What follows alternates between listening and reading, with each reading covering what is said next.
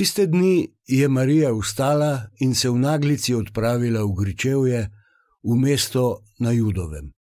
Stopila je v Zaharijevo hišo in pozdravila Elizabeto. Ko je Elizabeta zaslišala Marijin pozdrav, se je dete veselo zganilo v njenem telesu.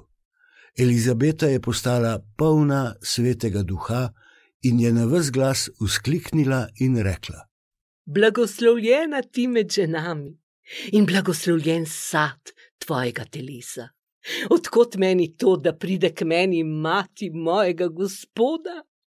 Glej, ko je prišel glas tvojega pozdrava do mojih ušes, se je dete v mojem telesu od radosti zganilo. Blagor ji, ki je verovala, da se bo izpolnilo, kar je povedal Gospod.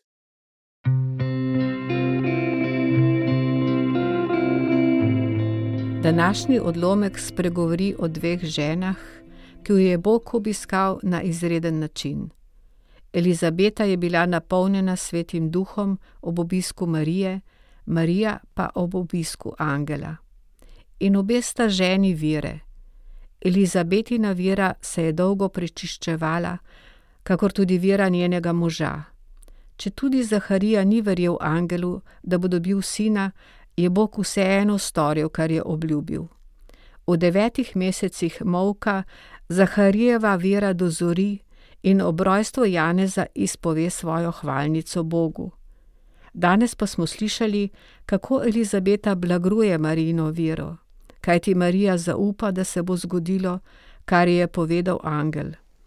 Človeške okoliščine niso bile ugodne za njo, a ona zaupa. Popolnoma se izroči v božje roke. Koliko bolj se je razveselila Elizabetinih besed, ko ji pove, da nosi pod srcem otroka, sina Boga Najvišjega. Kakor Marijo in Elizabeto, tudi tebe Gospod kliče k zaupanju, da je Bogu vse mogoče. Obnovi danes v srcu svojo izročitev njemu.